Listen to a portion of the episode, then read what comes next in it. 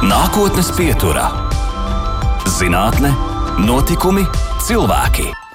Labvakar, nākotnes pieturā studijā Baiba, un klausītājiem var atzīties, ka visu dienu esmu gatavojusies un mācīsies par fiziku un apgūs visādas, manuprāt, diezgan tādas mistiskas lietas par bozoniem, Higsa lauku, elementāru dariņām, protoniem, tumšo matēriju, melniem caurumiem, par to, kā radies visums, kas un kāpēc tas ir un kā tas vispār turas kopā. Bet, ja godīgi, ja man būtu jākārto fizikas eksāmenis, tad man tāds nelabs aizdoms, ka es to nevarētu nekādā gadījumā nolikt, bet nu vienīgais glābiņš, kā šodien studijā mums tālāk nāk nākotnes pieturs viesis, kurš atbildēs uz visiem šiem jautājumiem. Rīgas Tehniskās Universitātes augstas enerģijas daļiņu fizikas un pātrinātāja tehnoloģija centra direktors daļiņu fiziķis Kārlis Dreimans. Kārli, labvakar! Labvakar!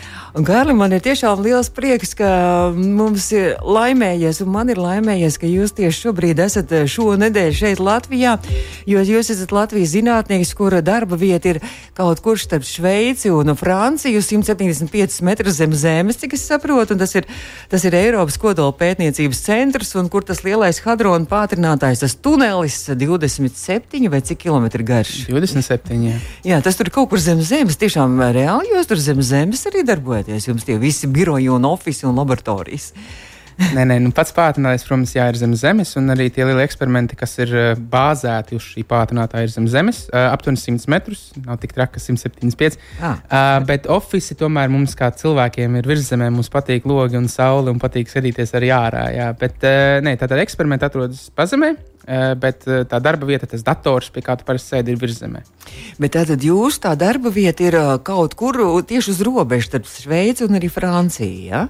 Jā, tad CERNS kā, kā iestāde, Eiropas kodolpētniecības centrs, radīts 1954. gadā, radīts uz robežas, bet Šveices pusē, un tad lēnā garā šajos gadu desmitos audzes nu, jau nosvinējis sanāk, 60 drusku gadu jubileju. Un, un, un, un drīz būs 70, un ir izaudzis pāraudzis to robežu un atrodas gan, gan Francijā, gan Šveicē. Jā skatās Eiropas kodola pētniecības centrs, bet, kā mēs jau pirms rādījuma runājām, tur, tur piedalās no visas pasaules šajā centrā arī. Jā, jā cilvēki patiešām no visas pasaules. Jāatšķir arī, protams, ir tā dalība CERNā kā institūcijā un arī dalība šajos eksperimentos, kas ir šie lielie hadrona pātrinātāji eksperimenti. Jo ne visi cilvēki, kas uh, piedalās LHC, tāda lielā hadrona pātrinātāja eksperimentos, ir arī no dalību valstīm vai no asociētajām dalību valstīm. Tie ir no vēl plašāka diapazona lietu. Jo gala beigās, arī kā es pats karjeru sāku, tomēr Latvijas, bet uh, Lielbritānijā daudz citi, kas ir no valstīm, kas it kā nepiedalītos šajos eksperimentos, arī atrodas universitātēs valstīs, kas piedalās. Tad jā, tas, tas, tas cilvēku spektrs un diapazons ir tiešām plašs. Mm -hmm. Bet nu, Latvija arī pagājušajā gadā, nu, apmēram pirms gada, pagājušajā vasarā kļuva par arī uh, Eiropas kodolpētniecības centra CERN asociēto dalību valstu. Arī. Tas Jā. mums tas liels gods un arī liels sasniegums. Tas ir uh, gods, tas ir liels un tas ir vēl lielāks sasniegums. Jo, uh, lai panāktu šo punktu, lai nonāktu šajā punktā, ir jāpierāda ne tikai Latvijas pusē, ka tas ir tā vērts, ko es, protams, uzskatu, ka ir, bet arī uh, šīs organizācijas pusē jāpierāda, ka mēs to varam. Un varam tas ir nevis tāpēc, ka cilvēki uzskata, ka mēs neprotam rēķināt, bet tas ir tāpēc, ka ir jābūt uh, tiešām fundamentālam valsts atbalstam šādām aktivitātēm. Uh, kas, ko mēs esam šobrīd saņēmuši, un esam par to ļoti pateicīgi. Un vienkārši jāpierāda tas, ka mēs ilglaicīgi būsim spējīgi būvēt šo zinātnes virzienu Latvijā. Un, kad mēs sakām ilglaicīgi, mēs nedomājam piecus gadus, mēs domājam 10, 20, un tad tālāk skatīsimies. Varbūt kaut kas cits nāks. Tad viens no šī CERN darbības jomām ir lielais kadrona pātrinātājs, un jūlijas sākumā jau bija diezgan um, plaša arī preses ažiotāža, un daudz kur arī Latvijā mēdījos tika atspoguļots tas, ka lielais hadrona pātrinātājs pēc trīs gadu pauzes ir atkal atsācis darboties. Jā, tad šis objekts ir tiešām liels. Uh, un hadrona ja, un pātrinātājs. Ļoti liels objekts, un šī objekta uzturēšana nav tik vienkārši darbs pats par sevi, kur nu vēl darbināšana. Līdz ar to no sākuma tā lieta ir jāuzbūvē, tad viņi jāpadarbina, tad viņi ir jāapstādina un bišķi jāpielabo, un tā tālāk tā joprojām. Tāpēc tas ir šis trešais periods. Pirmais periods plāns bija sākt to 2008. gada beigās. Tur bija problēma, tur bija helija noplūde. Jā, jā, tur, tur bija pauze īstenībā pusotru gadu. Baltmaize vai franču bagete bija kaut kur iesprūdus arī. Jā, jūs, jūs varbūt smēties, bet jā, ir vis kaut kas atrasts. tādās vietās, kur tam nevajadzētu būt, jo tomēr viss ir cilvēki. Pazemē. Jūs, ja jūs pazemē darbojaties ar skrūvgriežņiem visu dienu, tad jūs paņemat līdzi kaut ko, ko varbūt tur nevajadzētu atstāt. Un ir, ir redzēts patiešām. Uh, staru kūļu kā, projekcijā uz, uz dažādiem detektoriem ir redzēti objekti, kuriem nevajadzētu atrasties tur, tā skaitā, sen, sen atpakaļ, alus pudelē, bet tas, tas tikai tā. Interesanti. Bet, nu, arī, tur bija arī visādas tādas leģendas par to lielo hadronu pātrinātāju, ka tas sāka, sāka to būvniecību, ka bija arī tāda versija izteikta, ka, ka tas varbūt arī mm, radīs ap zemi melno caurumu, kas visu zemi iesūgs arī un tur vispār iznīcinās zemi. Jā, uh, ja man būtu, uh, kā angliski saka, ja man būtu penijs par katru šādu teoriju, tad man būtu daudz peniju, ja es būtu bagāts cilvēks.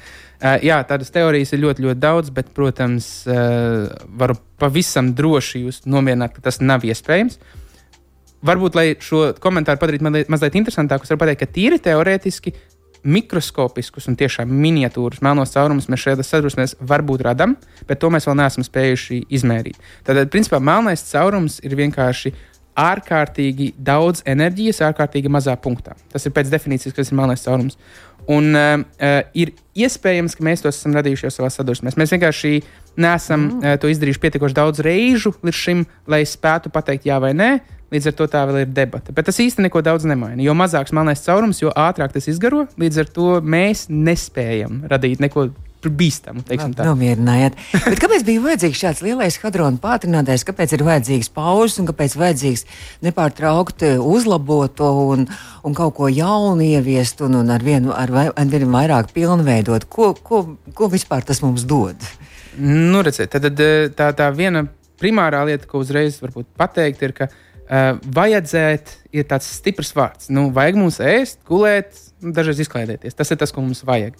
Uh, bet tas, ko mēs kā inteliģenta, dzīva būtne, cilvēks uh, gribam veikt, ir pilnībā izzināt pasauli, kas mums apkārt atrodas. Jau no bērnības, no bērnu laikiem, no, no tā, ka tu esi kāpēcītis, tu izaugs par to, kas grib izzināt šīs lietas. Un lielais hadrona pātrinātājs ir ierīce, ar kuru mēs mēģinām tā vienkārši sakot, skatīties pagātnē. Mēs mēģinām radīt enerģijas režīmus ļoti mazos tilpumos, tad šajās sadursmju vietās, radīt enerģijas režīmus, kas ir tuvāki un tuvāki un tuvāki tam enerģijas režīmam, kāds tas bija lielā sprādziena mirklī. Un lielā sprādziena mirklī, radās, jā, jā visums, tā, visums radās. radās. Un, un, un pēc definīcijas lielā sprādziena mirklī pilnīgi viss mūsu visums atrodas šajā vienā punktā. Tad jūs varat iedomāties, ka pilnīgi visa enerģija, kas atrodas mūsu visumā, atrodas vienā punktā. Tad mēs nekad nesasniegsim šādu enerģiju, bet mēs varam tikt tuvāk un tuvāk un tuvāk, un tad veikt dažādas interpretācijas par tēmu, lai saprastu, kāds tas visums bija sākumā. Un tā ir tā fundamentāla atbilde. Tā, ja mēs teiktu, ka ir viens jautājums, tad viens jautājums ir uh, vienkārši, kāda ir visuma daba.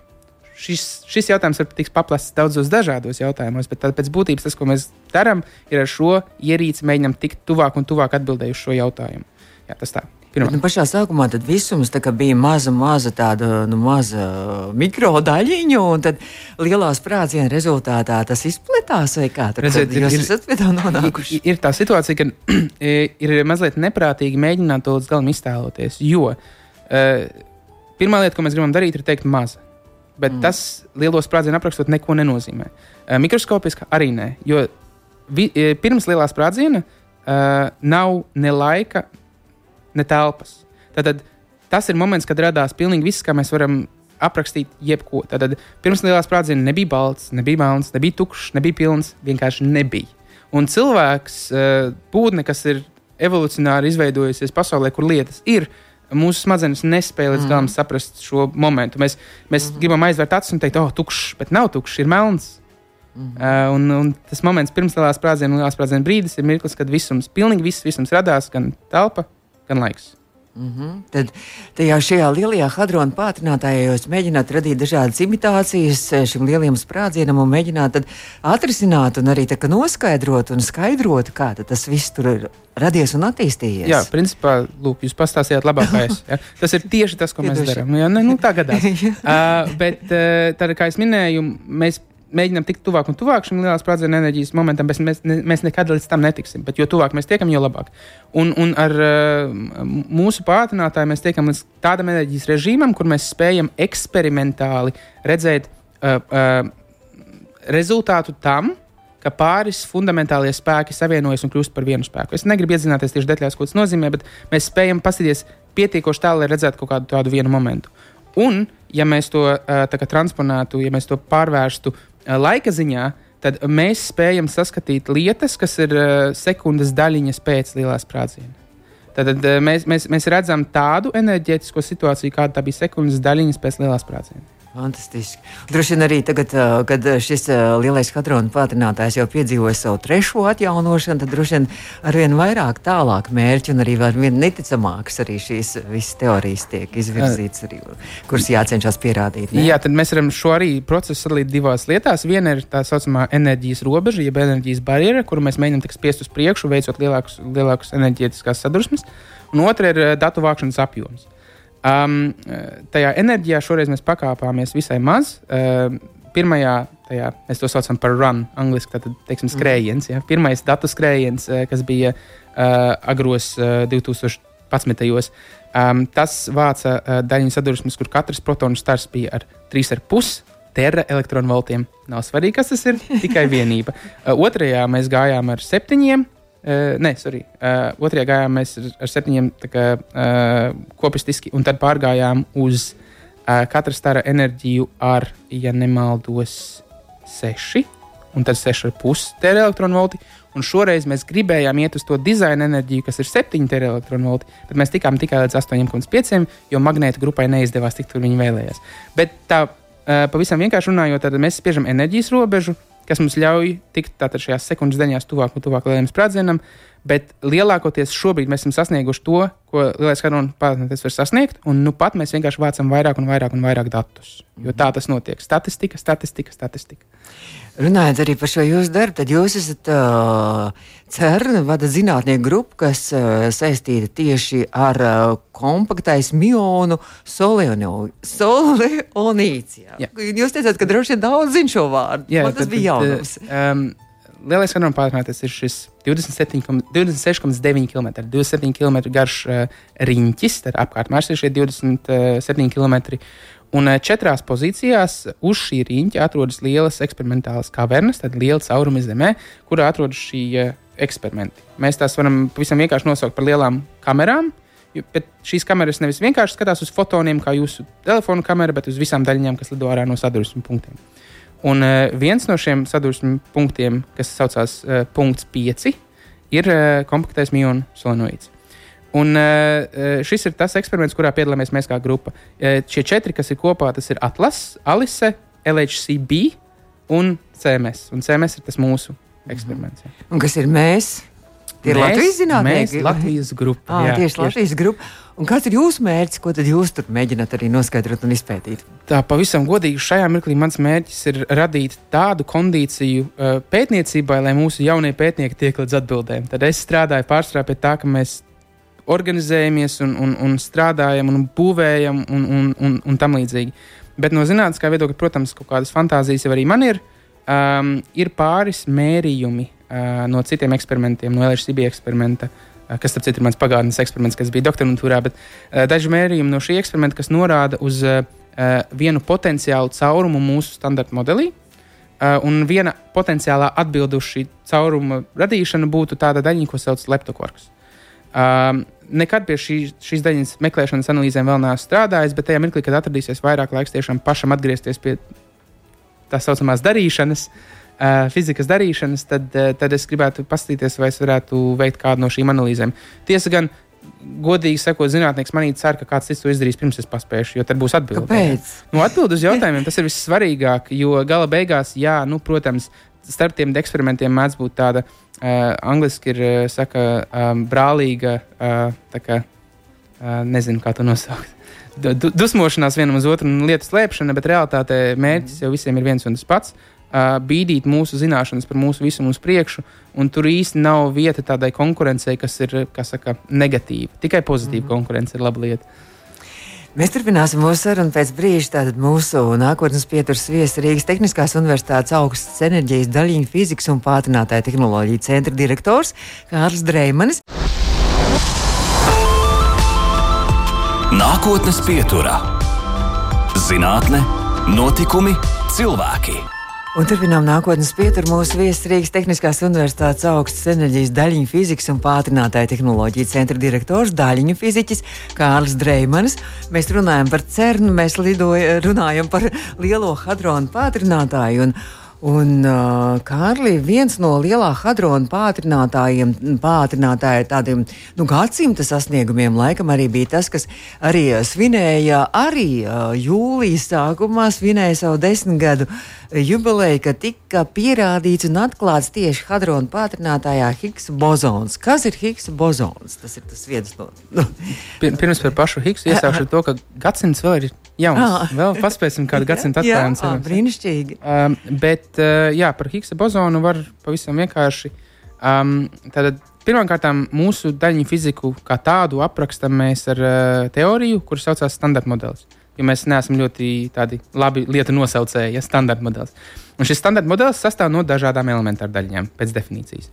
Un šīs daļiņas galvenokārt dalās divās lielās grupās.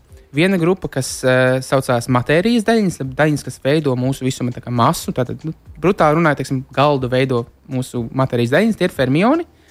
Un tad ir spēka nesēja daļiņas, kas nes spēkus, kas šīs daļiņas fermioni sadūr kopā, un tie saucās bozoni. Varētu te iedziļināties, bet varbūt labāk nē. uh, bet runa par to, ka tātad uh, standarta modelis tika izveidots 60. un 70. gados, un jau 64. gadā uh, vairāki zinātnieki, tā skaitā Pīters Higs, postulēja teoriju, ka vajadzētu būt šādai daļiņai, kas eh, veids konkrētu uzdevumu, kas ir e, elementāri daļiņām e, iedot masu, tad viņu esošo masu iedot caur šo mehānismu, kas tiek nests ar Higgsa bozonu. Un, lai arī to, šo teoriju izvirzīja vairāk cilvēku grupas vienlaicīgi, tā skaitā viena cilvēka grupa tobrīd Padomju Savienībā, tomēr no visiem vienīgais cilvēks, kurš pateica, ka tam jānāk ne tikai ar šo mehānismu un lauku, bet arī ar daļiņu, tīri viens teikums papīra apakšā bija Pīters Higs. Līdz ar to viņš mm. ieguva savu vārdu šīs daļiņas. Un, kā jau minēju, tad šīs daļiņa teorijā uh, mūsu pārējām elementāra daļiņām un arī pati sev uh, sniedz tās, to, to masu. Tad uh, nevis masu, kas ir tā, ka mēs uzkāpjam uz svariem un svaram tik un tik kilogramus, jo galvenokārt mēs esam enerģija, nevis masa, bet tas labi nav tik svarīgi. Mm. Par šo elementāru daļiņu masu, kas ir ierakstīta teorijā, kas ir uh, nepieciešama, lai vispār veiktu kaut kādus fizikas pētījumus, tad to sniedz uh, Higgsa bozona lauks un Higgsa mehānisms. Runājot par šo masu un uh, par šo matēriju, tad uh, vēl arī droši vien ir uh, svarīgi arī pieminēt to, ka um, ne tikai melnie caurumi, bet arī šie, šī tumšā matērija ir normālā matērija un tumšā matērija, vai kā to mēs iedalām pasaulē? Jā, visumā. šis vienmēr cilvēkiem raisa kaut kādas tādas. Um, eksotiskas sajūtas, un ka tur būs kaut kas maģisks nu, vai jā, kas tāds. Bet kā vienmēr, fiz, jā, fiziķi nāk ar to problēmu, ka mēs visu kaut ko varam izreikināt un izdarīt, bet mēs neesam labi lietu nosaucēji. Un tad, kad mēs sastopam kaut ko, ko mēs vai nu redzam, vai nu jūtam, vai nu kaut kādos aprēķinos tas parādās, bet mēs nezinām, kas tas ir, tad mēs pieliekam vārdu tumšs priekšā un turpinām. Un tad tumšā matērija gluži vienkārši ir matērija, jeb masa, tad, kas atrodas visumā, kuru mēs redzam dažādos novērojumos, bet mēs nezinām, kas šo masu veido. Tad, pieņemsim, mēs zinām, ka uh, visu normālo matēriju. Tādā, mēs viņu redzam, jā, tomēr, vai mēs zinām? Mē, mēs, mēs viņu redzam netieši. Tad, kad mēs sakām vārdu redzēt, mēs domājam par lietām, kas uh, miedarbojas ar elektromagnētisko radiāciju, jeb ar radiāciju, kuru nes fotons. Fotons ir gaismas daļiņa. Tad uh, mūsu acis sat, uh, uztver fotonus, mūsu kameras uztver fotonus un tā tālāk.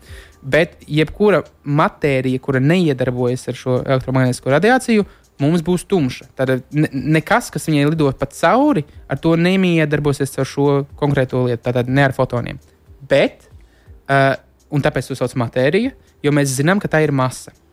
Un šī masa sevi manifestē tā, ka tad, kad uh, mums ir uh, gaisma, kas nāk no tālām zvaigznēm un ceļot cauri šai matērijai, uh, šīs gaismas ceļš tiek mazliet liekts.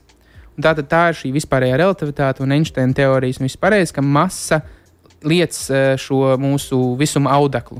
Uh, un tad gaismai ceļojot, gaismai liekas, ka tā ceļo taisni, bet tāpēc, ka visuma audekls, pa ko tā ceļo, ir liekts, tad tā liecas. Un mēs šo liekumu redzam. Mm. Uh, un otrs veids, kā mēs redzam tumšo matēriju, ir tāds, ka mēs varam skatīties uz galaktikām, uh, ne uz savējo, jo to ir grūti apskatīt visu no iekšpuses. Bet, teiksim, skatoties to pašu Andromedu, ja mēs skatāmies uz šīm spirāļu uh, rociņām, galaktikām, kā mēs iedomājamies galaktiku, tad uh, viņām būtu jārotē ar konkrētu ātrumu, konkrētā radiusā no centra. Tas ir tīra mehānika. Ja? Tad es ne, ne, neizveikšu vienādojumu šeit, bet tā ir tīra mehānika. Un, ja mēs aprēķinām, kādai masai būtu jābūt šajā galaktikā, skatoties uz zvaigznēm, kuras mēs saprotam ļoti labi, tad šajai rotācijai būtu jābūt ar vienu vērtību atsevišķos radius punktos, bet tā ir ar citu un tā var būt tikai vienīgi ar citu, ja mums jābūt ekstra masai, kuru mēs neredzam. Tad šī ir tā tumšā matērija. Mēs zinām, ka viņa ir, vai arī nesaprotam kosmoloģiju tik labi, kā gribētos, bet mēs tiešām uzskatām, ka viņa tur ir. Taču mēs nezinām, uh, kas to veido. Tad tas Jā. arī ir viens no uzdevumiem zinātniekiem, arī to noskaidrot. Tas ir absolūti viens no uzdevumiem. Tas ir viens no galvenajiem uzdevumiem arī Lielajā hadrona pātrinātājā. Jo um, tā kā mēs operējam pēc principa, ka matērija un enerģija ir principā viena un tā pati lieta, tikai atšķirīgas manifestācijas. Tad tas nozīmē, ka, ja mēs triecam lietas kopā ar lielu enerģiju, tad no šī enerģijas kunkulīša šajā sadursmēs var radīties jebkura matērija, tā skaitā tumšā matērija. Un e, mūsu aprēķinos tā manifestētos kā situāciju, kur um, tu zini sadursmes enerģiju, un tu zini, cik kopā daļiņām būtu jāizlido ārā, bet izlido mazāk, vai izlido tikai uz vienu pusi, un nav šis uh, uh, Ņūtona likums, ka uz otru pusi jābūt tikpat, tur ir tukšums. Ja tur ir tukšums, tad tas norāda uz to, kas varētu būt kāds kandidāts šai tumšajai matērijai. Jo mēs redzam enerģiju, ka tai būtu tur jābūt, mm -hmm. bet mēs nesaskatījām daļiņu. Un tad to mēs mēģinājām aprakstīt, un tā būtu tā tumšā matērija. Bet tas nozīmē, ka tā tumšā matērija arī mūsu galaktikā ir. Jā, nu, es ļoti, ļoti eh, tā apņēmīgi pateicu, jā, bet man, man šķiet, ka man tam nav kosmoloģiski novērojama. Bet varbūt, ka ir. Es, man, te būtu jāprasa kosmologiem, viņi mm. zinās daudz labāk. Bet, uh, godīgi sakot, uh, atstarpes starp zvaigznēm arī mūsu galaktikā ir pietiekošas galaktikas iekšienē. Lai mēs redzētu liekumu uh, no dažādām zvaigznēm, tas nozīmē, ka mēs varam diezgan droši teikt, ka ir arī, arī pie mums. Uh, un, godīgi sakot, tāpēc, ka šī uh, tumšā matērija miedarbojas tikai ar gravitācijas uh, miedarbību, tad tai principā būtu jābūt diezgan uh, vienlaidus gandrīz visur galaktikā uh, un visumā. Bet viņa nav bīstama, nav bīstama, piemēram, viņa arī nevar mūs kaut kā mūsu zemē uzbrukt un kaitēt. Un, un, un, un. Nē, šeit ir tas, ka uh, mēs. Fizika var būt mazliet uh, aizraujoša, jo liekas, ka tā ir mistēriska, bet, tad, kad viņā parociet, tad uh, dažiem cilvēkiem tā drusku nolaižas rokas, jo īstenībā ir nevis mistērijas, bet tieši atbildes uz mistērijām. Mm. Un, uh, kā mēs zinām, ja kaut kas ar mums nemiedarbojas, tad nekādā veidā nespēja mums pieskarties. Tas nevar mums nekā kaitēt. Tāpat arī ar tumšo matēriju. Tā nemiedarbojas ne, ar elektromagnētisko vai nukleāro stipro vai nukleāro vājo uh, interakciju, kas nozīmē, ka mēs to nejūtam un nejūtīsim. Bet viņi arī nejūtīs, piemēram, tie, kas kādreiz varbūt dosies kosmosā un lidos kaut kur uz citām planētām vai, vai, vai zvaigznēm. Nu, tā pavisam hipotētiski runājot, ja mēs lidosim ar kādu ārkārtīgi gaismas ātrumu, tuvu ātrumu, tad e, var būt kāda no šīm tumšās matērijas daļiņām, ja to veido daļiņas, kā mēs uzskatām, varētu uh, interaktēties ar nukleāro kodolu kādai, kādam atomam mūsu ķermenī. Bet tas ir tik ļoti spekulatīvs teikums, ka lūdzu necitējiet mani. Bet tiešām tumšā matērija mums nekādā veidā nevar kaitēt, eh, un, un, un eh, tā ir gluži vienkārši jāieraksta teorijā, lai mēs būtu priecīgi kā fiziķi. Kas vēl ir tāds, eh, kas ir vēl cērni zinātnieku arī uzdevums, ar ko jūs vēl nodarbojaties? Nu, tātad tieši par lielo hadronu pārtinātāju runājot par šo sadaļu, par daļiņu fiziku. Kā jau minēju, tas lielais uzdevums ir izprast visumu, taču tas dalās vairākos apakšuzdevumos. Un uh, tie atvērtie jautājumi īstenībā ir vairāk nekā varētu šķist. I, mēs ļoti labi saprotam ļoti daudz lietas, bet tās lietas, kuras mēs nesaprotam, mēs nesaprotam. un, un tā piemēram, viens piemērs šī tumšā matērija, kā, kādas daļiņas veido to, ja to veido daļiņas. Uh, bet pavisam cits jautājums, kas šķiet gandrīz absurds, ir tas, ka uh, mēs spējam izmērīt visu elementāro daļu masas mūsu eksperimentos. Nu, ne visu neitrīnu mums īstenībā nesanāk, bet mēs varam izmērīt, teiksim, kvarku masas. Atkal nav svarīgi līdz galam, kas tas ir, bet mēs varam izmērīt šo daļu masas savos eksperimentos.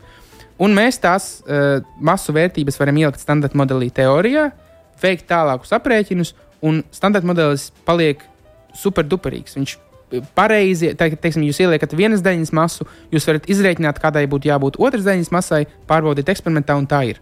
Tad pašpietiekams, teiksim tā. Taču uh, ja jūs neieliekat daļiņu masas vispār iekšā, tad uh, standarta modelim nav neviena mehānisma, kā tās paredzēt. Principā mēs strādājam ar daļiņām, kuras mēs izprotam un mēs aprakstām ļoti labi un tā tālāk. Tā, joprojām, taču to masas vērtības nenāk no teorijas. Absolūti nemaz. Un tad jautājums ir, kāpēc tās ir tādas, kādas tās ir. Piemēram, ar tiem pašiem kvarkiem. Ja, tad, um, visu mums apkārt esošo veido protonu un neitronu, kuros iekšā ir tikai divu tipu kvarki. Tātad miera stāvokļi, teiksim tā. Neiedziļināšos citādāk. Uh, bet uh, vienam no šiem kvarkiem, kas saucās augšupkvarks, jeb apkvarks, ir uh, uh, smagāks brālēns. Un viņš ir nu, tiešām smagāks. Uh, ne, neizmērojami, es negribu samalot ar reizēm, bet teiksim, desmit tūkstoši reižu smagāks. Un tam nav nekāda fizikāla iemesla. Vismaz mēs nespējam to atrast. Un tad mēs mēģinām atbildēt uz šo jautājumu. Nu, tur, protams, ir arī citi, bet nu, mm -hmm. tad varētu ilgi runāt. Diemžēl, vai par laimi, nezinu. Mēs turpināsim vēl pēc brīža mūsu sarunu, kaut gan mūsu saruna jau tuvojas jau noslēgumam. Kārlis Dreimans, Rīgas Tehniskās Universitātes augstas enerģijas daļiņu fizikas un pārtinātāja tehnoloģija centra direktors, mūsu nākotnes pieturas viesis šodien. Nākotnes pieturā. Turpinām nākotnes pieturu, un uh, mums vēl mazliet ir atlicis laika. Nākotnes pieturē sarunā ar Rīgas Tehniskās Universitātes augstas enerģijas daļiņu fizikas un pātrinātāju tehnoloģiju centra direktoru daļiņu fiziķu Kārlu Dreimani. Nu, bezgala aizraujošas un saistošas lietas, ko mēs te pārunājam, un Kārli, mēs te aizkadrā mazliet arī runājam par to ceļošanu laikā. Vai nu, tas no zinātniskās fantastikas ir iespējams arī uh, no jūsu viedokļa raugoties arī ceļot laikā? Uh, te atbilde ir mazāk eksotiska, kā liktos. Uh, Jo savā ziņā mēs visi visu laiku ceļojam laikā. Mēs gluži vienkārši ceļojam ar vienu sekundi sekundē. Tas ir mūsu ātrums. Tā, mēs uh, nākotnē ceļojam vai uz atpakaļ? Laiks ir tikai vēl viena dimensija no mūsu visuma audekla. Un tā ir dimensija, kur arī nav savā ziņā, kā to sauc uh, latviešu, nepateikšu, bet invariants. Tātad uh, laiks nav vienība, kas ir pilnīgi stabila uh, no visiem references punktiem. Teiksim, ja jūs lidojat ļoti ātri, nu tiešām ar pusi gaismas ātrumu, tad laiks jums iet lēnāk nekā ja jūs nelidojat ar pusi gaismas ātrumu. Tad laiks ir relatīvs. Kas nav relatīvs, ir uh, kaut kas, kas saucās laika telpas nogrieznis, kas ir tad, principā kvadrāts sakta no kvadrāta, kuras sauc kopā laiks un telpa. Bet Tātad ceļošana laikā kā tāda mums notiek visu laiku, un tas īstenībā ir viens no fundamentālajiem jautājumiem, kāpēc mēs spējam piedzīvot laiku uz priekšu, bet nespējam piedzīvot laiku uz aizmuguri. Nav fundamentāla fizikas likuma, kas to nosaka. Mums ir tas jāatrod un jāapraksta. Tas ir vēl viens, eh, tiešām vēl viena mistērija, jo Un, un šis skan pavisam muļķīgi, bet tā patiešām ir atvērts jautājums, ir, kāpēc mēs atceramies pagātni, bet mēs mm. neatceramies nākotni. Nu, tas, tas ir ļoti īsts brīdis, tā viena sekunde. Ne, ne bet principā mū, no mūsu skatu punkta, no fizikas teorijas, viedokļa, no fundamentālas zinātnes, tāda fizikas. Uh, no viss, kas apraksta mūsu visu audeklu, nākotnē un pagātnē nav atšķirības, ja neskaita entropiju. Bet ar vienu to pašu entropiju nepietiek, lai izskaidrotu faktu, ka mēs spējam piedzīvot pagātni savā galvā, bet ne nākotni.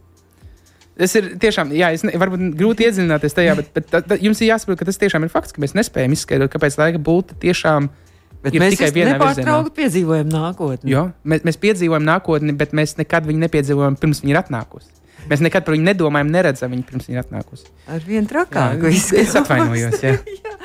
Bet runājot arī par, um, par uh, jūsu darbības lauku, jūs līdz tam visam nonācāt uh, caur uh, Liverpūles universitāti. Jā. Kur jūs aizbraucāt no Latvijas mācīties? Jā, jā. Nu, tā tad pabeidzu savu mīļo pirmo gimnāziju un devos pasaulē. Matemātikas devos, un fizikas novirziens. Jā, pirmā gimnāzija. Internacionālā bakalaurāta klasē, jā. Un, un uh, pavisam godīgi, un varbūt kāds vecais klases pirms klausās, uh, pavisam godīgi izvēlējos braukt uz ārzemēm galvenokārt tāpēc, ka daudzi citi pieteicās. Nu, ko tad es nepieteikšos? Nu, pieteicos. Ko darīt? Nezinu. Interesē fizika? Nu, laikam, labi, pamēģināsim sākotnēji eksāmena rezultāti nebija tik labi, kā gribētos, līdz ar to tā uh, nodrošinātā vieta nebija. Bet tad augustā piezvanīja universitātes jautāja, vai jūs vēlaties braukt? Nogāja lejā, pajautāja tēvam, vai es vēlos braukt. Principā ar jautājumu, vai mēs varam atļauties man braukt. Tās nopūtās, padomāja, teica, jā, svarīgi, braucam. Un tā arī nonācām Liverpoolē. Nu, tad uh, tur, tur, tur, tur ar visu šo, šo kodolu fiziku, ar visu, vai, vai elementāru daļiņu fiziku. Es jau tagad tādu jāsaka. Jā, jā, jā. jā. Uh, nu, uh, tad šajā uh, saucamajā angļuiski saucas undergrad, jeb, jeb cilvēki, kuri vēl nav graduējuši no universitātes, mm -hmm. nav, mhm. nav absolvējuši. Uh, tad bakalaura un maģistrs man bija integrēts grāts četrus gadus. Uh, līdz ar to es nevienā mirklī nebeidzu. Universitāti beidzu ar, ma ar maģistru. Bet uh, šis maģistrs bija vienkārši fizika F303, jeb fizika. Un tam nebija specializācija tajā mirklī nekāda. Bet uh, Liverpools Universitāte, lai arī šajā uh, undergrad posmā ir laba universitāte, tā nav viena no tām labākajām. Tā ir vienkārši laba universitāte. Taču pētniecībā tieši doktorantūrā un uz priekšu. Tā ir viena no, viena no Lielbritānijas labākajām, it sevišķi daļiņa fizikā. Un tā bija vienkārši man, Latvijas mm. noplauka, ka es biju tur. Man pajautāja, vai es esmu pieteicies uz doktorantūru. Es teicu, nē, man teica, varbūt tomēr piesakies. Pieteicos, dabūju vietu, izmācījos, dabūju pēcdoktorantūras pētniecības uh, iespēju vēl pāris gadus, tiku sakontaktēts no RTU. Esmu šeit un esat cerni, bet cerni jūs nonācāt no Liverpoolas. Jā, ja? tad cernā es oriģināli nonācu no Liverpoolas uh, tieši šajā uh, doktorantūras posmā, un tāpēc, kā jau minēju iepriekš, mana darbība galvenokārt bija citā eksperimentā, šajā LHCB eksperimentā. Jāatzīstās, šobrīd joprojām sirdī tuvāks, tāpēc, mm. ka ilgāks laiks pavadīts, tomēr kopumā kopš 13. gada, kad uzsākta doktorantūra, ir pagājuši nu jau 9 gadi, no kuriem 7 bija tur. Tad jāpierod pie pārmaiņām. Uh, fundamentāli fizika jau nemainās starp eksperimentiem, bet pieeja eksperimentos mainās ļoti. Un tad eh, ir tā citādāka sajūta. Vai jūs arī meklējat atbildes uz to, vai, vai visumā kaut kur ir arī vēl citas civilizācijas, vai esam mēs vienīgie? Tieši mēs, ne? Tātad ar daļu fizikas pētījumiem mēs to mm -hmm. neatklāsim. Ja nu vienīgi mēs neatklāsim kaut kādu kaut jaunu, jaunu, jaunu daļiņu, kura ir kaut kāda, teiksim, nezinu, informācijas daļiņa, kuru sūta cilvēki no citām planētām, bet tā ir vairāk kā spekulācija, tas bija vienkārši izdoma. Uh, nē, ar, ar šo pētniecību mēs citplanētieši neatradīsim. Uh, taču, kas ir ļoti interesanti, ir, ka mēs, protams, šajos pētniecības laukos, tad kosmoloģijā, kas ir šī bioloģiskā kosmoloģija, kosmoloģiskā antropoloģija, kā to varētu nosaukt, uh, tā, tas mums viss ir, protams, ļoti interesanti, jo būtu forši, ja mēs nebūtu vienīgā dzīvā būtne šajā visumā, kas mēģina visumu izzināt. Un tad mēs varētu no viņiem varbūt mācīties kaut ko jaunu. Mm -hmm. Tas viss vēl nākotnē priekšā iespējams. Cerams. Man jāsaka, liela, liela paldies, ka jūs atradāt laiku. Šodien tieši rīt laikam atpakaļ jau dosieties jā, jā, uz, uz, uz Šveici un jā. uz, uz, uz, uz Vestfranciju. Nu, lidost ir Šveicē, jā. bet tad jādodas māju Francijas jā. pusē. Jā. Nu, man jāsaka, paldies, ka jūs atradāt laiku, izbrīvējāt mums uh, Latvijas Rādio 2 nākotnes pieturēm. Rīgas Tehniskās Universitātes augstas enerģijas daļiņu fizikas un pātrinātāja tehnoloģija centra direktors, daļiņu fiziķis Kārls Dreimans, eh, mūsu nākotnes pieturs viesis, un es saku paldies, un tad, tad lai daudz jautājumu un daudz tomēr izdodas arī tie atklājumi un tās, tās kaut kāds, es nezinu, tās gandarījumi un prieka trīsas, vai kas, kas ir, ja izdodas kaut ko atklātu, kaut ko tādu. Tādu, tādu īpašu. Centīsimies atklāt, un, un prieka trīsas mazliet ir, jā. Tā ir. Saku paldies, nākotnes pieturā arī izskan. Izskan nākotnes pieturā.